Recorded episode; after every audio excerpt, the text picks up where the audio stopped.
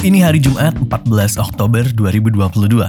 Welcome to Listen Podcast. Hari ini kita akan ngebahas soal saling lempar tanggung jawab tragedi Kanjuruhan, meningkatnya lagi COVID-19 di China, dan jalan-jalan juga mandi bisa munculin ide kreatif. And now, let's catch up. Dua pekan sudah huru hara tragedi Kanjuruhan. 132 orang hilang nyawa.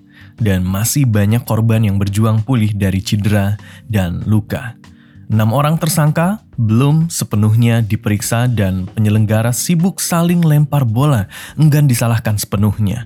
Sementara tim gabungan independen pencari fakta yang dipimpin oleh Menko Polhukam Mahfud MD lagi ngebut melakukan investigasi terhadap kasus tragedi Kanjuruhan. As we know, gas air mata berkali-kali disebut menjadi penyebab utama huru-hara di Stadion Kanjuruhan 1 Oktober 2022.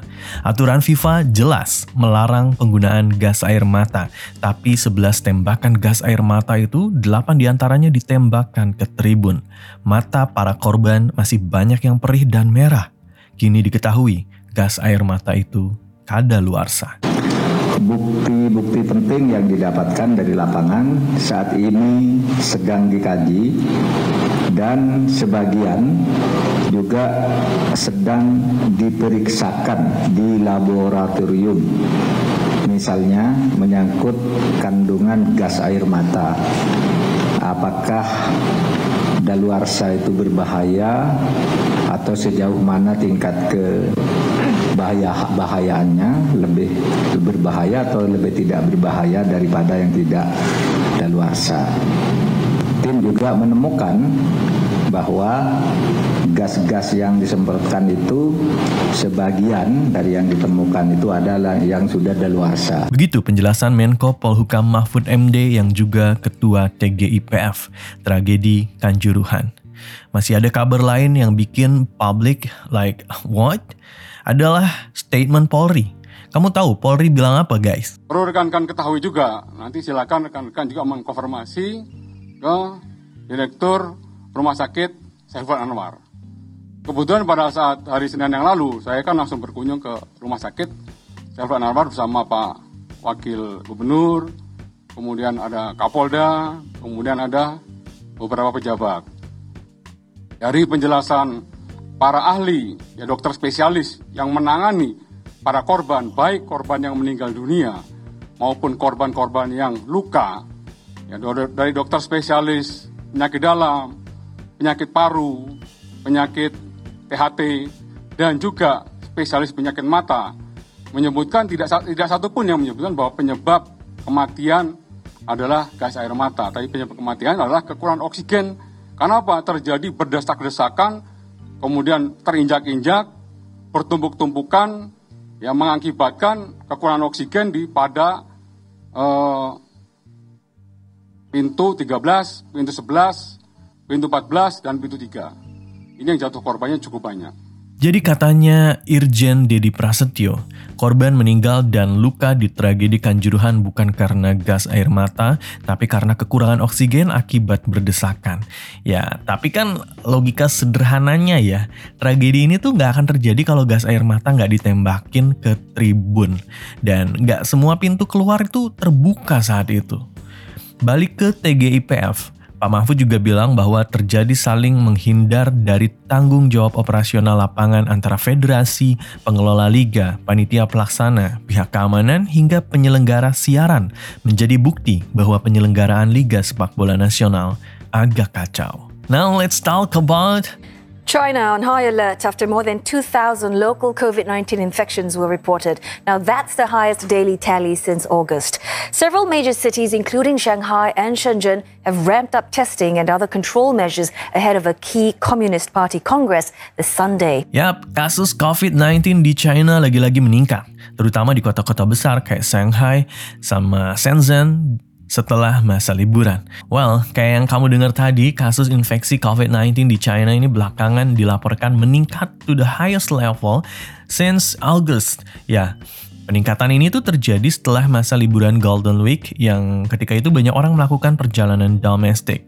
Menurut info terakhir, pihak berwenang nemuin lebih dari 2000 kasus infeksi lokal yang baru pada 10 Oktober kemarin. Dan itu tuh yang terbesar sejak 20 Agustus 2022. Gara-gara peningkatan kasus itu terjadi setelah masa liburan, banyak kasus yang ditemui di tempat-tempat wisata dan tempat-tempat yang banyak turisnya. Makanya kan gara-gara takut kejadian lockdown gede-gedean kayak bulan April lalu, otoritas berwenang di Shanghai bilang kalau pemerintah bakal meningkatkan pengujian, bahkan sampai dua kali seminggu. Terus turis-turis yang mau masuk tempat wisata dan hotel juga dicek secara lebih ketat lagi. FYI, COVID-19 di China is still a thing. Bahkan 36 kota di China masih nerapin lockdown. Misalnya aja di Shaanxi. Oh, there is a lot of nervousness over potential snap lockdowns that could catch people off guard. A city in, in Shanxi province had imposed a three-day lockdown as a precaution even though no cases were found there. Terus di Shenzhen, waktu varian Omicron lagi gencar-gencarnya di sana. Bahkan kasus lokalnya meningkat sampai lebih dari tiga kali lipat. Terus di kota barat laut di Xi'an yang ngelaporin lebih dari 100 kasus hingga pihak berwenang akhirnya nutup sekolah dan banyak ruang publik lainnya. Padahal kalau dilihat lagi, beban kasus COVID-19 di China masih terbilang kecil kalau dibandingin sama negara lain. Apalagi aturan yang diterapin sama pemerintah China ketat banget karena mereka memperlakukan zero COVID policy. Karena di kebijakan inilah tiap ada kasus dikit maka pemerintahnya langsung lockdown. Hal ini karena mereka khawatir epidemi ini bakal menyebar dan gak ada habis-habisnya. By the way, aturan soal pencegahan COVID-19 ini juga diumumin beberapa hari menjelang Kongres Partai Komunis yang akan dimulai pada 16 Oktober, di mana Xi Jinping diperkirakan bakal berkuasa menjadi pemimpin lebih lama lagi. Jadi, analis bilang kalau aturan ketat tersebut sifatnya sementara aja gara-gara prioritas utama tetap menjaga situasi menjelang pertemuan penting itu. Guys, kamu suka kepikiran gak sih kenapa kalau di kantor atau kampus ketika disuruh mikir itu susah banget gitu ya. Nah, tapi sekalinya ke toilet, apalagi kalau mandi gitu ya, itu suka jreng. Udah kayak ada bohlam di atas kepala yang nyala gitu ya. Ide-ide muncul semua yang tadinya nggak bisa dipikirin di meja kerja. Eh pas mandi langsung kayak, oh iya ya, bisa tuh dibikin bla bla bla bla gitu. Well, hal ini sebenarnya bisa dibuktikan secara ilmiah guys. Ya, shout out to para dedicated scientist yang udah berhasil menjawab rasa penasaran kita-kita. Jadi dalam eksperimen terbaru yang dipimpin oleh Zach Irving dari University of Virginia, kalau kamu lagi dalam kondisi konsentrasi penuh, kayak yang biasa kamu lakuin di ruang meeting tuh ya, kreativitas emang jarang muncul guys. Malahan konsentrasi penuh ini bisa jadi musuh kreativitas. Makanya kita uh, kudu lebih lebih relax, take a break, dan memulihkan pikiran salah satunya dengan jalan-jalan atau mandi. Kalau kamu lebih relax, otak pun jadi lebih bisa diajak mikir, right? Sesimpel itu ternyata. Thank you for listening, listen up. See you on next episode. Happy weekend!